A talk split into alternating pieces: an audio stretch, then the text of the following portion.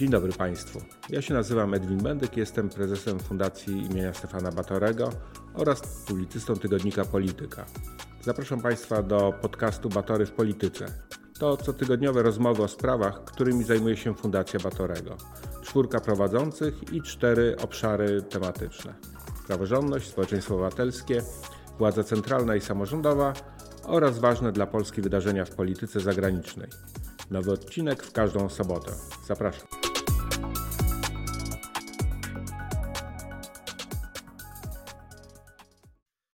Dzień dobry Państwu, ja się nazywam Łukasz Pawłowski i zapraszam do wysłuchania kolejnego odcinka mm, z serii podcastów Batory w Polityce, a dziś porozmawiamy o edukacji o pomysłach na reformę edukacji mm, no chyba już po tych rządach, bo za mm, tej władzy wydaje się, że ta reforma będzie utrudniona, a gośćmi nas, naszymi są e, Alicja Pacewicz, współzałożycielka Centrum Edukacji Obywatelskiej i Fundacji e, Szkoła z Klasą, członkini Warszawskiej Rady Edukacyjnej oraz Kolegium Historyczno-Programowego Europejskiego Centrum Solidarności. Dzień dobry Alicjo.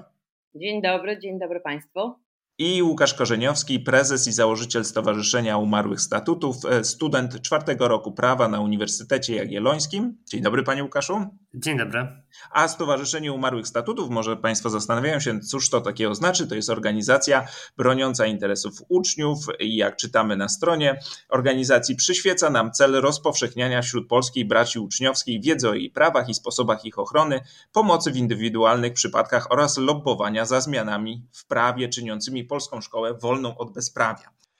W styczniu w Warszawie w Centrum Nauki Kopernik odbył się szczyt edukacyjny. Podczas swojego wystąpienia inauguracyjnego profesor Michał Fedorowicz z Instytutu Filozofii i Socjologii mówił, że e, chcemy przywrócić edukację społeczeństwu. I ja chciałbym się dowiedzieć, co to znaczy, że trzeba przywrócić edukację społeczeństwu, to znaczy komu trzeba ją zabrać, kto ją teraz ma, że trzeba ją oddać społeczeństwu.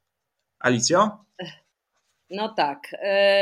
E, my mamy takie poczucie, że wszyscy trochę mm, liczymy na to, że się znajdzie, i zawsze tak było, że się znajdzie jakiś um, oświecony minister czy oświecona ministra z jakąś grupą um, oświeconych ekspertów, którzy e, dobrze to wszystko wymyślą, zaprojektują i potem doprowadzą do tego, że to będzie działać. Otóż. To, czyli system edukacji. Tak, tak. E, okay. System edukacji. E, otóż e, mamy takie przekonanie, i to jest przekonanie, które zresztą nie tylko my mamy, tylko właściwie w wielu krajach na świecie w tej chwili jest no, takie duże pytanie, co zrobić ze szkołą w tych skomplikowanych czasach, bardziej jeszcze skomplikowanych dla młodego pokolenia niż to było dla nas w związku z kryzysem klimatycznym. No już nie wspomnę o geopolityce, wojnie w Ukrainie i, i, i, i całej reszcie, pandemiach i innych zagrożeniach. Ma, e, nie, nie ma co liczyć na to, że e, jakaś jedna osoba, czy nawet jedna grupa mądrych ludzi e, powie nam, jak to ma być.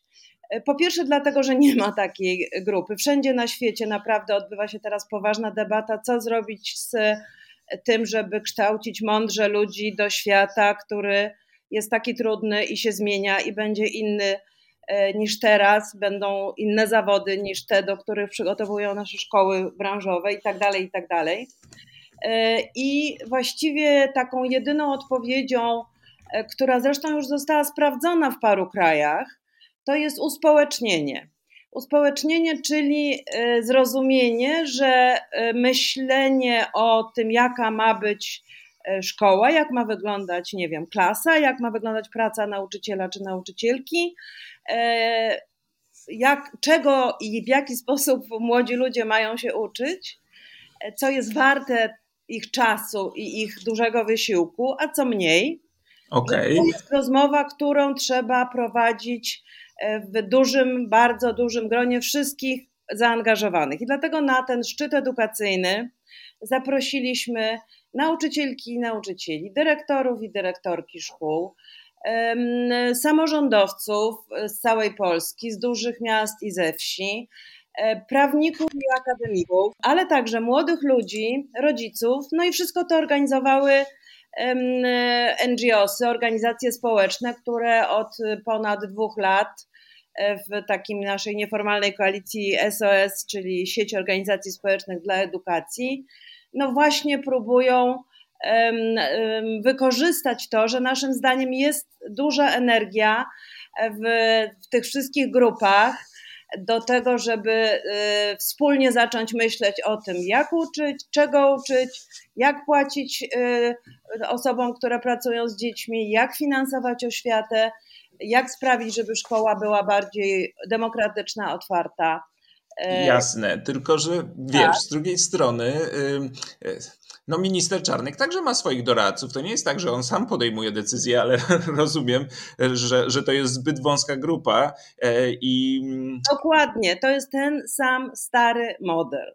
I dlatego, okay. plus ja nie wiem na ile e, minister Czarnek słucha swoich doradców, czasami mam wątpliwości, sądząc po, po decyzjach, które są podejmowane choćby, choćby w sprawie tych dotacji, ale nie tylko. Wszyscy, właściwie większość decyzji podejmowanych przez y, ministra, ale także cała y, reforma, zwana też deformą y, pani minister Zaleskiej, to nie były procesy uspołecznione. To nie było pytanie na dole i to nie było wspólne myślenie co, i sprawdzanie, co działa, co nie działa. Jeszcze jedno zdanie powiem, że tak się, w taki uspołeczniony sposób się odbyły reformy w tych krajach, które w tej chwili mają takie, no, no jakby największe, powinniśmy trochę traktować jako wzory takiego działania, czyli w krajach skandynawskich, no Finlandia to jest klasyczny przykład, e, ale też, e, nie wiem, w Walii, gdzie po prostu jak wejść na stronę ministerstwa, to tam w pierwszym zdaniu, właśnie w tym roku została wprowadzona reforma, której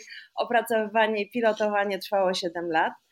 E, mam nadzieję, że u nas to będzie krócej.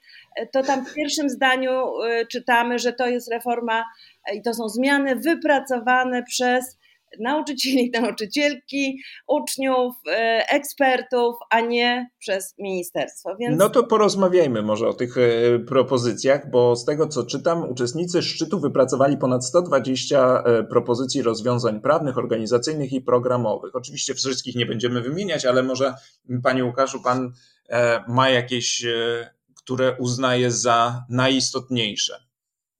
Dla mnie najistotniejszym, e, i to z racji tego, z jakiej organizacji się wywodzę, jest postulat powołania Rzecznika Praw Uczniów na poziomie ogólnopolskim.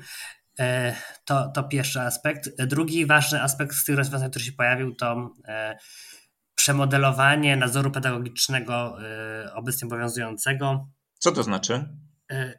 z postulatów, które, które mieliśmy, e, wyłonił się taki obraz, że e, potrzebujemy e, organu, który nadzorowałby zgodność z prawem działania szkół.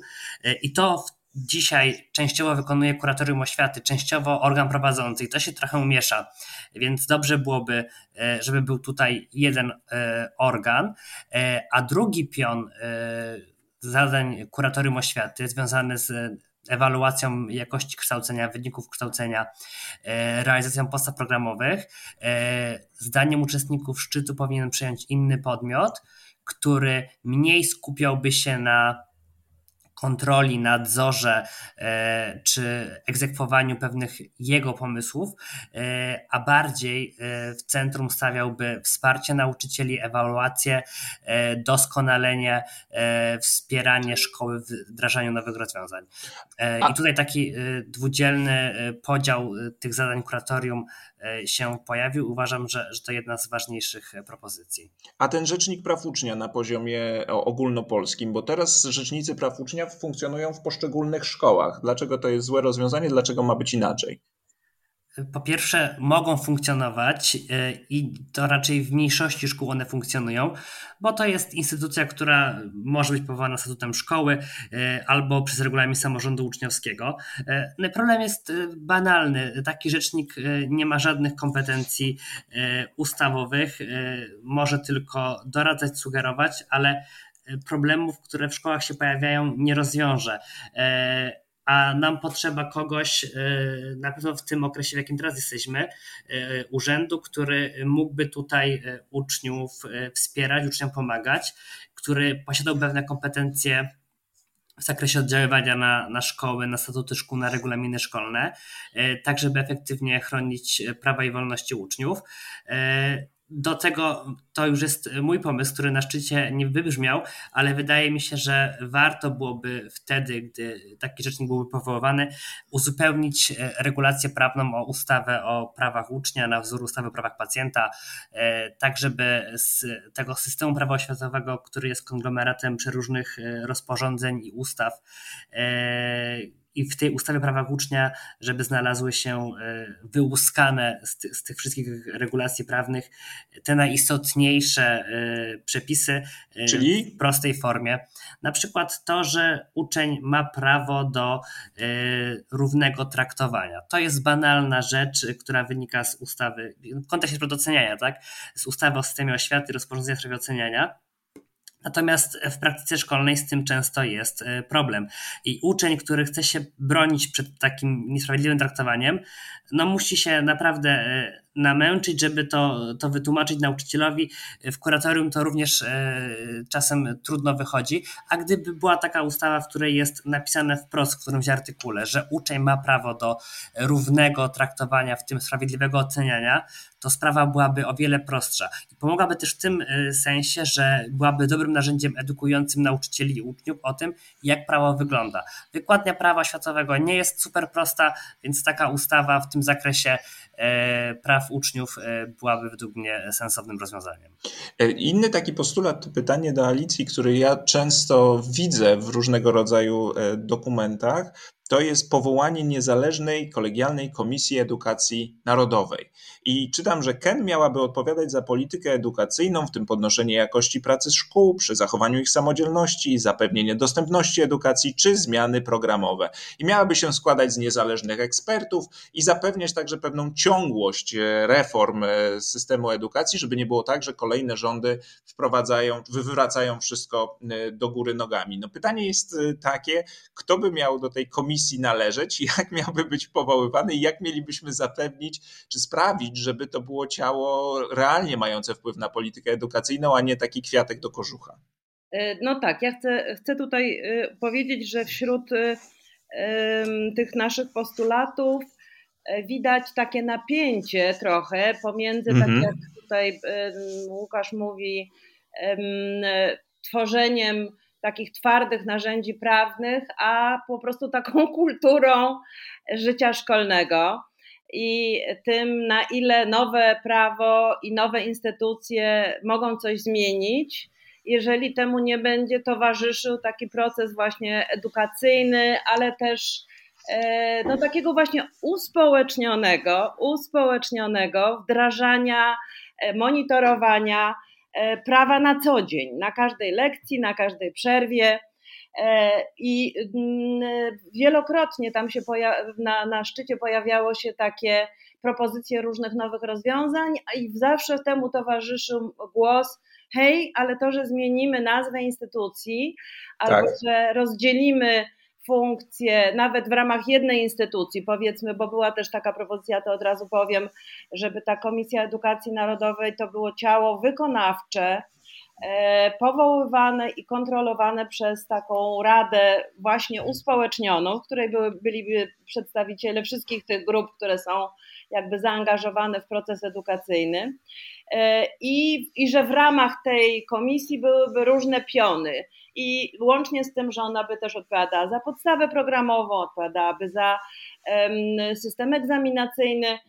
Trochę nie wiadomo, co by miało robić ministerstwo w takim No właśnie, ministerstwo i to jest coś, co my, my tu też nie jest tak, że wszyscy mamy identyczne zdanie w tej sprawie, ale ja jestem akurat zwolenniczką minimalizowania e, takiej bezpośredniego, bezpośredniej ingerencji ministerstwa w to, co robią szkoły. Uważam, że ministerstwo jest do polityki edukacyjnej na szczeblu krajowym, do wyznaczania takich właśnie no, minimalnych standardów pracy szkół, a potem do monitorowania e, tego, co się dzieje. Że w, to... tak, tak, jak jest w Finlandii, gdzie naprawdę, nie wiem, ustawa oświatowa to, są dwa, to jest dwadzieścia parę stron, e, gdzie ministerstwo monitoruje i sprawdza, czy to dobrze działa, a wszystkim zajmuje się wykonawcza agencja, która w związku z tym nie jest y, apolityczna, a właściwie powinnam powiedzieć apartyjna, e, i która no, ma po prostu kompetencje w tych różnych zakresach, dobrze je realizuje i y, bardzo dużo y, kompetencji zostało też tam i w wielu innych krajach przeniesionych na poziom lokalny. I to miałaby być ta rola też, przepraszam, tej agencji, to byłaby ta Komisja Edukacji tak. Y, Narodowej? Tak, to mhm. znaczy są, y, ja chcę powiedzieć, że my dlatego tutaj się posługujemy tą nazwą, choć to się oczywiście może różnie nazywać, ale generalnie to, się, to jest coś, co się pojawiło też w programach politycznych. Ja mówiąc o, tych, o tym uspołecznieniu, nie wymieniłam tam, za co przepraszam, e, klasę polityczną, nie wymieniłam polityków i polityczki, ale oczywiście na szczycie to byli e, też bardzo ważni uczestnicy tej debaty, no bo my wiemy, że bez takiej świadomości po stronie decydentów e, przyszłych, obecnych i każdych innych na poziomie samorządowym, ale przede wszystkim na poziomie krajowym, tego się nie da zrobić. Jak zapytałam świetnego kanadyjskiego profesora z prowincji British Columbia, jak wy to zrobiliście, że macie taką świetną podstawę programową, która jest wokół dużych kompetencji, daje bardzo dużo swobody, ale równocześnie daje bardzo dobry, stanowi bardzo dobry przewodnik do tego, jak uczyć. E, on powiedział, no w którymś momencie, e, za którymś razem politycy i polityczki uznali, że okej, okay, źle to robimy, od ściany do ściany po każdych wyborach, e, oddajemy to ludziom, oddajemy to społeczeństwu, oddajemy to ekspertom, oddajemy to szkołom, wymyślcie jak to ma być. I my trochę, no właśnie. Mamy, no właśnie, mamy trochę taką nadzieję, że także w Polsce, nie tylko w British Columbia, w Finlandii i w Walii e, i w paru innych, w Nowej Zelandii, e, w paru innych miejscach, e, że ten proces może być właśnie taki inkluzywny i że co więcej, on nie musi być tak strasznie sterowany e, e, zewnętrznie przez właśnie kontrolującą władzę. Władza ma monitorować. No ja myślę, że mm, taką tą zmianą kulturową, o której, której ty, ty oczekujesz, to chyba polega na tym, żeby politycy przestali traktować edukację jako łup polityczny, w tym sensie jako narzędzie do wychowywania sobie przyszłych e, wyborców, bo mam wrażenie, że tak to w tej chwili wygląda. E, I oto i, i wciąż politycy liczą, że jak no, pozmieniają odpowiednio system edukacyjny, to on wyprodukuje im później przyszłych wyborców, a to wcale tak nie działa. Efekty są wręcz odwrotne, e, co widać w różnych badaniach, na przykład, nie wiem, religijności czy poglądów politycznych młodych Polaków. Ale pani, do pana Łukasza teraz pytanie, pytanie. Y, kolejny postulat, który się e, bardzo często powtarza, to jest odchudzenie podstawy programowej. I on się powtarza od lat. I ja mam takie pytanie, dlaczego to tak trudno wprowadzić i na czym to odchudzanie miałoby polegać? Ja powiem, że akurat e, z tym postulatem e, szczytu nie do końca się utożsamiam, z tego względu, że Aha. wydaje mi się, że on jest, to jest trochę źle postawione zdanie. Wydaje mi się, że podstaw programowych zasadniczo nie trzeba. Na pewno wymagana jest pewna korekta w pewnych obszarach, ale to, to kwestia, e, myślę, detaliczna. E, istotą jest to, żeby pokazać nauczycielom, że podręczniki, które realizują, nie równają się podstawie programowej. E, dlaczego nie rozumiem. To, co jest w podręczniku, Aha. to coś więcej niż jest w podstawie programowej. E, a że bazuje się na podręcznikach, to nam się wydaje, że ta podstawa jest przeładowana. A przeładowane są często podręczniki albo to, co się w nich realizuje. Ale jeszcze istotniejsze według mnie jest, yy, zadaję sobie pytania, dlaczego w ogóle mówimy, czy uważamy, że podstawa powinna być odchudzona.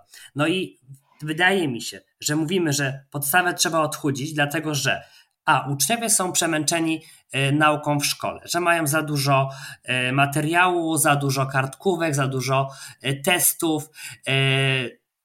Punkt B to właśnie byłaby ta testoza, ocenoza, która w polskich szkołach panuje. Te dwa słowa, dwa neologizmy dość się już upowszechniły. Trzeci, trzeci aspekt to zbyt dużo zajęć, czy takie przeświadczenie o tym, że jest ich za dużo. Czwarta rzecz to e, kult ocen i stopni, które się zdobywa. E, trochę odwrócenie i pomylenie tego, czym ocenianie jest, e, czy powinno być, a czym, czym tak naprawdę jest. Przepraszam, punkt kolejny, czyli nauka rzeczy, które później są nieprzydatne. No ten słynny przykład, nie wiem, budowy pantofelka, z której nikt później już w życiu dorosłym raczej nie korzysta. To chyba o to chodzi, że, że pewne rzeczy po prostu są niepotrzebne w tej podstawie programowej. No i teraz to, to, czy one są niepotrzebne, to znów zależy, y, to myślę, że to nie, nie powinniśmy o tym powiedzieć się y, my tutaj jako społeczeństwo, a raczej to, to powinien być głos ekspertów. Natomiast y, znów, żebyśmy sobie uświadomili, czy faktycznie w podstawie programowej takie detaliczne szczegóły są od każdego wymagane i też na jaką ocenę, bo y, wiadomo, że na ocenę w tym naszym systemie bardzo dobrą wymagania są większe, na ocenę niższe są mniejsze te wymagania. To, że y, przyjęło się, czy taki kult panuje, żeby każdy miał piątkę świadectwo z paskiem, y, trochę nam powoduje, że każemy się dzieciom uczyć wszystkiego, żeby miały jak najlepsze oceny i to trochę według mnie złe rozwiązanie dość poważnego problemu, bo problemem jest e, nie sama podstawa jako taka, ale to, jak się realizuje i to, jak wygląda kultura pracy w szkole. I, i my uważamy, że e, czy społeczeństwo uważa, że da się to rozwiązać za pomocą odchudzenia podstawy programowej. No i to jest pewne e, daleko idące uproszczenie, które wydaje mi się niekoniecznie przyniesie oczekiwany rezultat, bo nawet gdy będzie podstawa programowa odchudzona, to ona nie wpłynie na to, że będzie mniej kartkówek, mniej ocen, mniej stresu, e, że uczniowie będą się uczyć mniej. Będą się uczyć tej mniejszej podstawy tak samo szczegółowo, tak samo detalicznie, jak uczą się jej teraz, a pewnie będzie coś jeszcze dokładane przez nauczycieli. No to, rozumiem. To czyli chodzi nie tylko o zmianę tego, czego się uczymy, tylko tego, jak się uczymy. Czyli to jest kolejny ten postulat, który się często powtarza, czyli systemowa zmiana organizacji pracy szkoły, i tutaj sobie wynotowałem rezygnacja ze sztywnego ramowego planu nauczania oraz sztywnego podziału na przedmioty, tak? E, tylko pytanie, jak pod, to miało... pod, tym, pod tymi rozwiązaniami się właśnie bardziej podpisuję, bo one odpowiadają faktycznie na to, co w szkole problemem jest i, i co, możemy, e, co możemy właśnie w ten sposób zmienić. E, I, I to jest chyba słuszniejsza droga. Podstawa programowa na pewno do korekty, ale to, to w późniejszym kroku, w drugim kroku, tak mi się wydaje. A ty, Alicjo, jak sądzisz, jak, jak, znaczy, jak to miałoby wyglądać w praktyce? Bo to brzmi fajnie, że tak się uczymy różnych przedmiotów e, łącznie, ale, no ale są nauczyciele biologii, języka polskiego, historii. Jak ma wyglądać właśnie w praktyce realizacja tego postulatu? No, e, bardzo prosto. Nie wiem, na, na całym świecie, prawie całym świecie, nie ma oddzielnej e, biologii, geografii, chemii, fizyki, tylko jest science są nauki przyrodnicze. Nie wiem, Centrum Nauki Kopernik, w którym żeśmy e, odbywali na szczyt, no bardzo dobrze pokazuje, w jaki sposób się uczy i o ile lepiej i głębiej się uczy, wtedy, kiedy się łączy ze sobą różne e, dziedziny, nie te wymyślone w XIX wieku przez, znaczy te wymyślone w XIX wieku przez Humboldta, ale właśnie łączy także na przykład z E, matematyką i, e, czy z informatyką. E, I oczywiście to nie jest proces, to nie, to nie jest kwestia roku czy dwóch, to jest trochę kwestia przekwalifikowania się części nauczycieli, którzy zresztą w wielu miejscach bardzo by na tym zyskali, bo przestaliby musieć jeździć ze szkoły do szkoły, E, uczniowie by zyskali, bo by mieli dłuższy czas na realizowanie fajnych, głębszych e, projektów e, na lekcjach, nie wiem, eksperymentów i doświadczeń. I też wszyscy by się uczyli tego, co to znaczy naprawdę zadawanie pytań, stawianie hipotez i robienie eksperymentów, czyli takich rzeczy, które akurat w naukach przyrodniczych są niezbędne.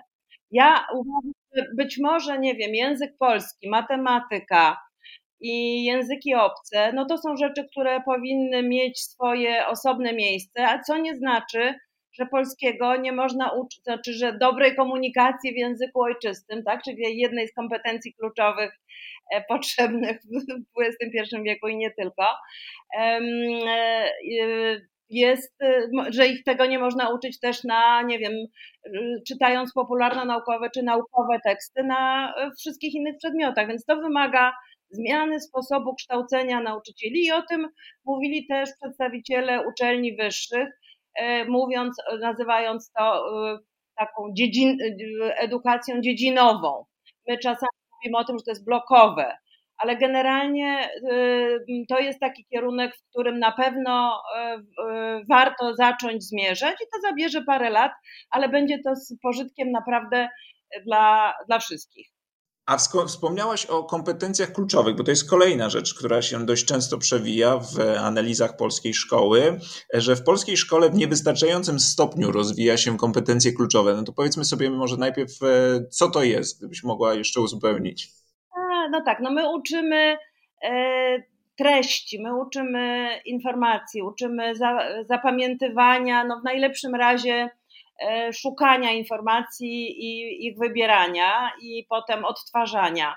Ale kompetencje kluczowe no, to jest taka rzecz, e, która łączy ze sobą wiedzę, umiejętności, ale też takie postawy, właśnie postawy, no powiedzmy w przypadku nauk przyrodniczych, taką badawczą, taką jakby ciekawość badawczą i, i, i zdolność do tego, żeby się pogodzić z tym, że jakaś nasza hipoteza e, się nie sprawdziła ale w przypadku y, są bardzo mm, różne takie szczegółowe definicje tych kompetencji, ale generalnie chodzi o to, że same wiadomości nie wystarczą, że trzeba jeszcze umieć, trzeba jeszcze wiedzieć, e, skąd to wiemy e, i trzeba wiedzieć, w jakich kontekstach te informacje są do zastosowania i umieć je przenieść na nowe sytuacje, na przykład do rozwiązywania problemów, które realnych problemów, czy to takich naukowych, czy takich problemów, które widzimy w naszej, nie wiem, społeczności lokalnej dotyczących na przykład e, nie wiem, smogu czy e, losu żab, które giną, bo wysychają kałuże. Więc e, i to, ta kompetencja obejmuje też to, że my to jesteśmy w stanie zauważyć, że jesteśmy w stanie wymyślić jakieś rozwiązanie i, i że jest w nas gotowość do tego, żeby te rozwiązania wdrażać. Normalnie, zwykle się w Polsce najczęściej używa takiej klasyfikacji, którą zaproponowała już ładnych 20 lat temu Unia Europejska i tam są kompetencje komunikacyjne w języku obcy, własnym i obcym, są kompetencje takie właśnie matematyczno-przyrodnicze e, i techniczne, e, cyfrowe, obywatelskie, no jest ich osiem takich jakby przedmiotowych i międzyprzedmiotowych i kilka, e, i ten katalog się trochę zmienia, kompetencji tak zwanych uniwersalnych, e, które właśnie dotyczą umiejętności współpracy, umiejętności e, rozwiązywania problemów, umiejętności krytycznego myślenia, dobrej komunikacji. I, i jakby musimy się trochę pogodzić z tym, że te, ten katalog też ewoluuje. To znaczy, na przykład w naszych rozmowach na szczycie bardzo silnie wybrzmiały e, te kompetencje obywatelskie, to znaczy w grupie, która się zajmowała zmianami podstawy programowej, e, mówiło się dużo o tym, że to są takie kompetencje, które są absolutnie zaniedbane i że wiele naszych problemów wynika z tego, że się nie czujemy w mocy, żeby uczestniczyć w życiu e, społecznym i publicznym, nawet na poziomie szkoły czy lokalnym i je zmieniać. I taka jeszcze ciekawa rzecz, którą powiem, to mm, do tego katalogu e, OECD e, dopisało takie kompetencje, nazwali to transformacyjne. Ja trochę o tym powiedziałam, mówiąc o tych żabach, ale to jest poważna rzecz. To znaczy, żeby nie traktować tego świata i żeby młodzi ludzie nie traktowali tego świata jako zadany i taki, jaki, e, i że, że taki już musi być, żeby e, byli w stanie wziąć e, na siebie trochę taką odpowiedzialność za to, żeby zobaczyć, gdzie co jest źle i uznać, że oni też razem z swoimi rówieśnikami i całą szkołą są współodpowiedzialni za to, żeby coś zmienić, coś, co nie działa. To mam wrażenie, że polska szkoła w tej sprawie ma naprawdę dużo do zrobienia, ale co więcej, że jest duży bardzo potencjał, że młodzi ludzie także ci, którzy byli na szczycie, ale nie tylko, y, mają trochę dosyć tego naszego prezentyzmu, czyli takiego przekonania, że już będzie tak jak jest. Mnie przekonują szczególnie te też spośród tych kompetencji, które wymieniłaś, kompetencje komunikacyjne, bo myślę, że tego się w polskiej szkole specjalnie nie uczy, to znaczy jak prezentować i jak argumentować na rzecz e, tego, co, co myślimy i, i na rzecz naszych tez, no i ta współpraca w grupie. To ja pamiętam ze swojej szkoły, że tego praktycznie nie było. I pisania, i umiejętności argumentacji, i pracy w grupie, ale jeszcze na koniec chciałem zapytać pana Łukasza, bo jak się czyta te postulaty, one brzmią mniej lub bardziej atrakcyjnie, w zależności pewnie od e, perspektywy, ale mam takie wrażenie, czy nie będzie tak, że jeżeli wprowadzimy ten cały system decentralizacji, ten, ten autonomii e, szkolnej, minimalnego nadzoru nad szkołami, właśnie większej wolności, swobody nauczycielskiej, odejścia od tych sztywnych ocen i sztywnego podziału na Mm, e, przedmioty, no szkoła ostatecznie musi też jakoś tę wiedzę weryfikować i to jest to zadanie. Wydaje mi się, że tu te dwa cele się jakoś ze sobą zderzają. No to czy to nie będzie tak, że zapanuje w, w tym polskim systemie edukacji kompletny chaos? E, to będzie chyba najtrudniejsza rzecz, mianowicie wyznaczenie linii demarkacyjnej pomiędzy tym, co odgórnie ustalone, e, regulowane na poziomie ogólnokrajowym, a tym, co dane e, szkołom e, i co przekazane w gestii, do gestii dyrektorów szkół, nauczycieli, uczniów czy samorządów lokalnych. Szkopu w tym, że mm, to, to jest i najistotniejsze, i najtrudniejsze, najtrudniejsze zarazem. E, na pewno e, to nie jest tak, że szkoły w tym systemie, który tutaj się gdzieś na szczycie e, wyłaniał, mają pełną dowolność robienia czego, czego chcą poza jakąkolwiek kontrolą, bo ten element też się pojawiał w kontekście A, czy to równego dostępu do edukacji, czy B jakichś minimalnych standardów e, podstawy programowej i minimalnych standardów egzaminacyjnych. Chodzi nam e, o to, żeby system, który będzie e, tworzony, odpowiednio równoważył i pozycję Ministerstwa Edukacji Narodowej, czy tej agendy wykonawczej Komisji Edukacji Narodowej, czy inaczej zwanej organiza- inaczej zwanego organu, a samorządów lokalnych i szkół, żeby to, co y, ministerstwo czy ta y, agencja zaplanują jako to, to minimum do, do działania e, w szkołach nie zabierało szkołom i uczniom całości środków i całości czasu, którym dysponują, tak żeby w szkołach było miejsce też na te działania, na taką działalność edukacyjną, którą szkoły czy samorządy lokalne chcą zrobić jakoś po swojemu, w odpowiedzi na własne oczekiwania, na własne potrzeby i też w, w powiązaniu do tego, jakie mają możliwości. To oczywiście może budzić takie wrażenie, że, że się jedno i drugie wyklucza. Natomiast y, nam wydaje się, że to się nie wyklucza, a raczej uzupełnia. E, pytanie, jak to rozgraniczyć, jak poprowadzić e, te granice między tymi dwoma obszarami, ale to na pewno jest do zrobienia i da się tutaj znaleźć dobre rozwiązanie, które po pierwsze nie wprowadzi chaosu w szkołach, bo tego byśmy nie chcieli, to też powtarzano na szczycie, że polska szkoła kolejnego chaosu reform, związanego z reformami nie przeżyje i to może być gwóźdź do trumny, ale też nie będzie to taka sytuacja, że szkoły będą związane wytycznymi ministra edukacji narodowej i kuratorów oświaty e, w zakresie tak szczegółowym, że kurator będzie im mówił, jaką lekturę mają czytać, a jakiej czytać absolutnie nie mogą. Tak, tak, tak. No więc to jest jakby, mm, to jest taki, e, takie po prostu taka obsesja tej kontroli i obsesja standaryzacji, E, która, która nie służy edukacji i to po prostu widać też w tych e, no, wielu systemach na świecie. Jakoś tak jest, że te, które są właśnie bardziej zdecentralizowane, gdzie więcej mają władzy szkoły, e, nauczyciele i organy prowadzące, to i w czasie pandemii, i w czasie, i, i, i, no, i w normalnym czasie, że tak powiem, ta edukacja jest bardziej odporna i też jest bardziej przyjazna. Ja chcę powiedzieć, że my mamy taki, e, wszyscy tkwimy e, w takim poczuciu, że właściwie o jakości pracy szkoły to się dowiadujemy z tego, jak miejsce w rankingu e, ma szkoła. Na szczycie bardzo silny głos i to nie tylko w stoliku, który się zajmował właśnie, nazywa się Szkoła e, Wsparcia i Współpracy, a nie Rywalizacji i Izolacji, ale także w różnych innych było takie mocne przekonanie, że ten taki, e, że, że sposób oceny osiągnięć y, uczniów i pracy szkoły nie powinien być ograniczony wyłącznie do tego, co się da sprawdzić na egzaminie, także dlatego, że potem w życiu okazuje się rzeczy, że, że rzeczy właśnie niemierzalne, że te na przykład kompetencje komunikacyjne czy umiejętność uczenia się przez całe życie są ważniejsze niż to, co wiemy o alkanach, moich ulubionych alkenach i alkinach. Dziękuję Wam bardzo za rozmowę. Jeżeli Państwo są zainteresowani tym, co działo się na szczycie edukacji, to te informacje można znaleźć e, czy w, w mediach, czy na stronie SOS dla edukacji.